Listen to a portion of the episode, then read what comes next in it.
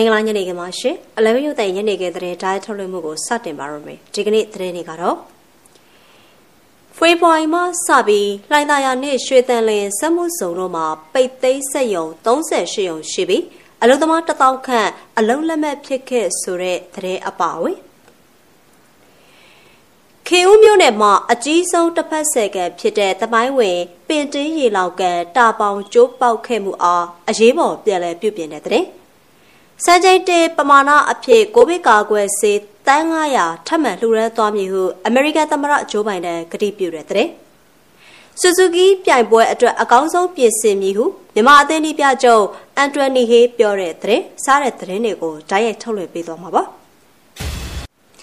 ဦးဆုံးတဲ့အနေနဲ့ဖေဖော်ဝါရီမှစပြီးလှိုင်သာယာနှင့်ရွှေတန်လင်းစက်မှုစုံတို့တွင် ပိတ်သိမ်းဆက်ယုံ38ယုံရှိပြီးအလုသမား1000ခန့်အလုလက်မဲ့ဖြစ်ခဲ့တဲ့သတင်းကိုတင်ဆက်ပေးပါမယ်။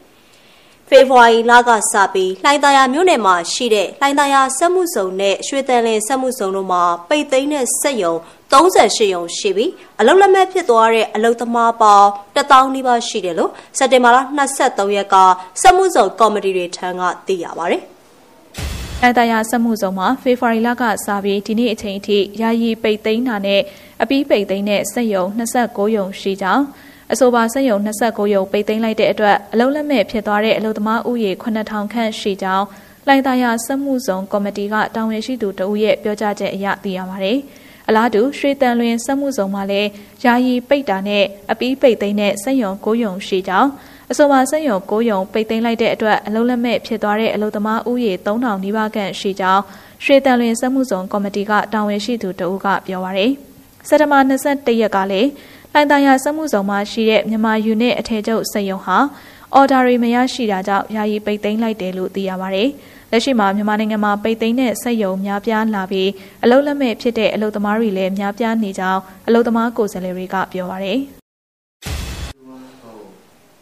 ဆက်လက်ပြီးခေဦးမြို့နယ်မှာအကြီးဆုံးတစ်ဖက်ဆယ်ကန်ဖြစ်တဲ့သမိုင်းဝင်ပင်တင်းရီလောင်ကန်တာပေါင်ကျိုးပေါက်ခဲ့မှုအားအရေးပေါ်ပြန်လည်ပြည်ပြင်းတဲ့သတင်းကိုတင်ဆက်ပေးပါမယ်။ စကိုင်းတိုင်းဒေသကြီးရွှေဘိုခရိုင်ခေဦးမြို့နယ်မှာရှိတဲ့အကြီးဆုံးတစ်ဖက်ဆယ်ကန်ဖြစ်တဲ့သမိုင်းဝင်ပင်တင်းရီလောင်ကန်တာပေါင်ကျိုးပေါက်မှုကိုစက်တင်ဘာ23ရက်ကအရေးပေါ်ပြန်လည်ပြုပြင်ခဲ့ရတယ်လို့ဒေသခံတွေထံကသိရပါဗျ။ခေဦးမြို့နယ်ပင်တင်းကျေးရွာအရှိတ်ဘက်မှာရှိတဲ့သမိုင်းဝင်ပင်တင်းရေလောင်ကန်မှာစက်တဘာ22ရက်ကကန်တောင်ဘက်ချမ်းမှာရှိတဲ့ရေလွဲပေါက်ရဲ့တောင်ဘက်အနီးကတာပေါင်ကျိုးပေါက်မှုဖြစ်ပွားခဲ့ပြီးမိုးစဘာစိုက်ခင်းတွေရေဝင်နှိမ့်မြုပ်တာ ကျေးရွာအတွင်းမှာရှိတဲ့နေအချို့ကိုရေဝင်ရောက်တာ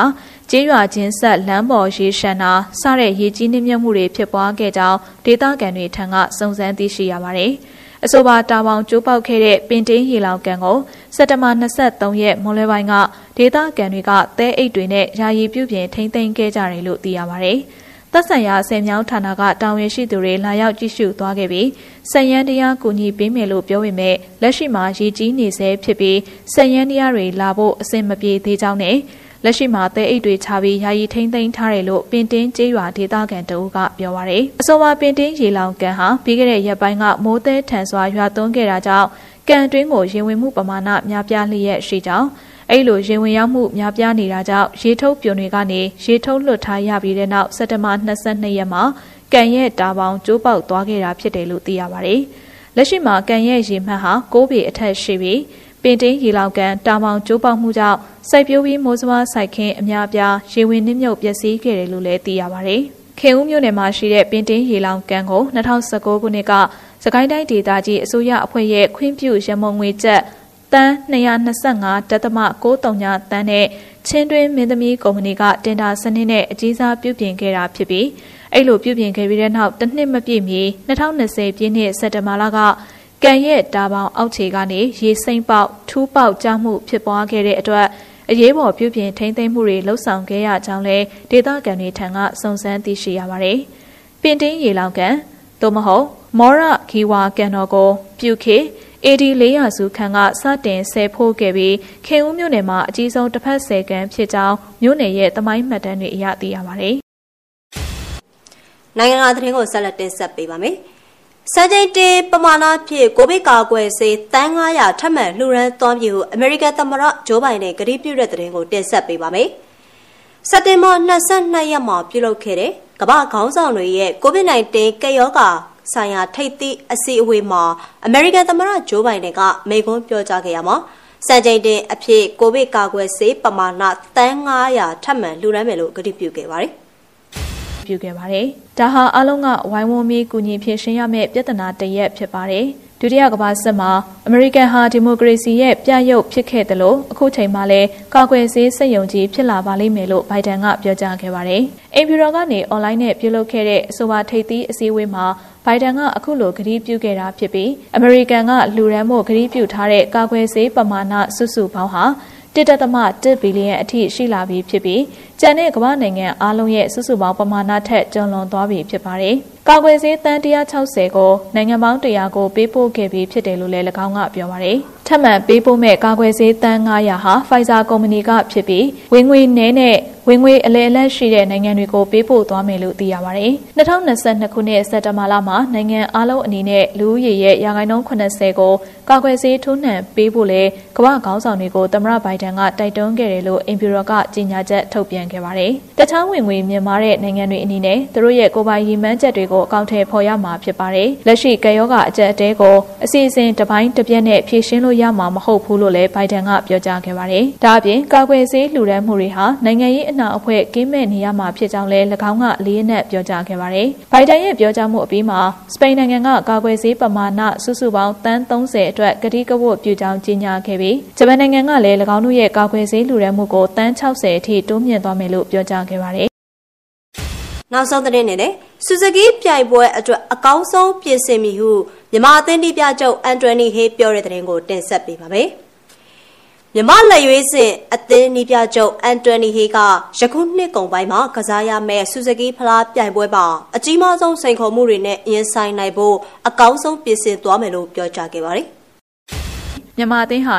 2020အာဆီယံဆူဇူကီဖလားပြိုင်ပွဲအုပ်စု A မှာထိုင်းဖိလစ်ပိုင်စင်ကာပူတို့အပါအဝင်ခြေစစ်ပွဲအောင်အသင်းသင်းနဲ့ကစားရမှာဖြစ်ပါတယ်။အာဆီယံဘောလုံးအဖွဲ့ချုပ် AFF က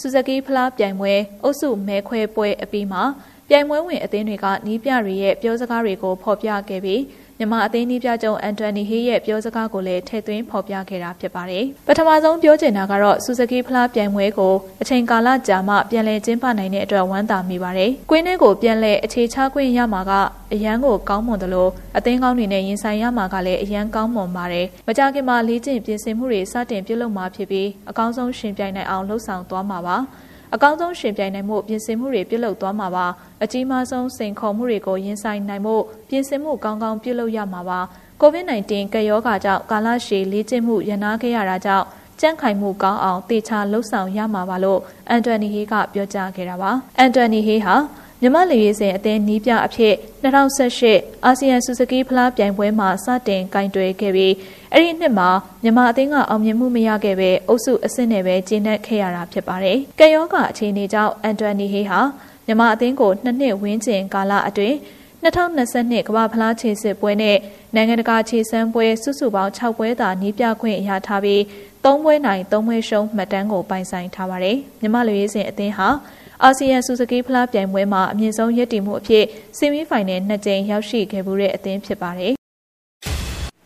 11ရက်တရစက်တင်ဘာလ24ရက်နေ့ညနေခင်းသတင်းတွေကိုတားရဲထုတ်လွှင့်ပေးခဲ့တာပါ။ဆက်လက်ပြီးည7:00နာရီမှာလည်းနောက်ဆုံးရသတင်းတွေကိုတားရဲထုတ်လွှင့်ပေးတော့မှာဖြစ်ပါတယ်ရှင်။မင်္ဂလာရှိတဲ့ညနေခင်းလေးဖြစ်ကြပါစေရှင်။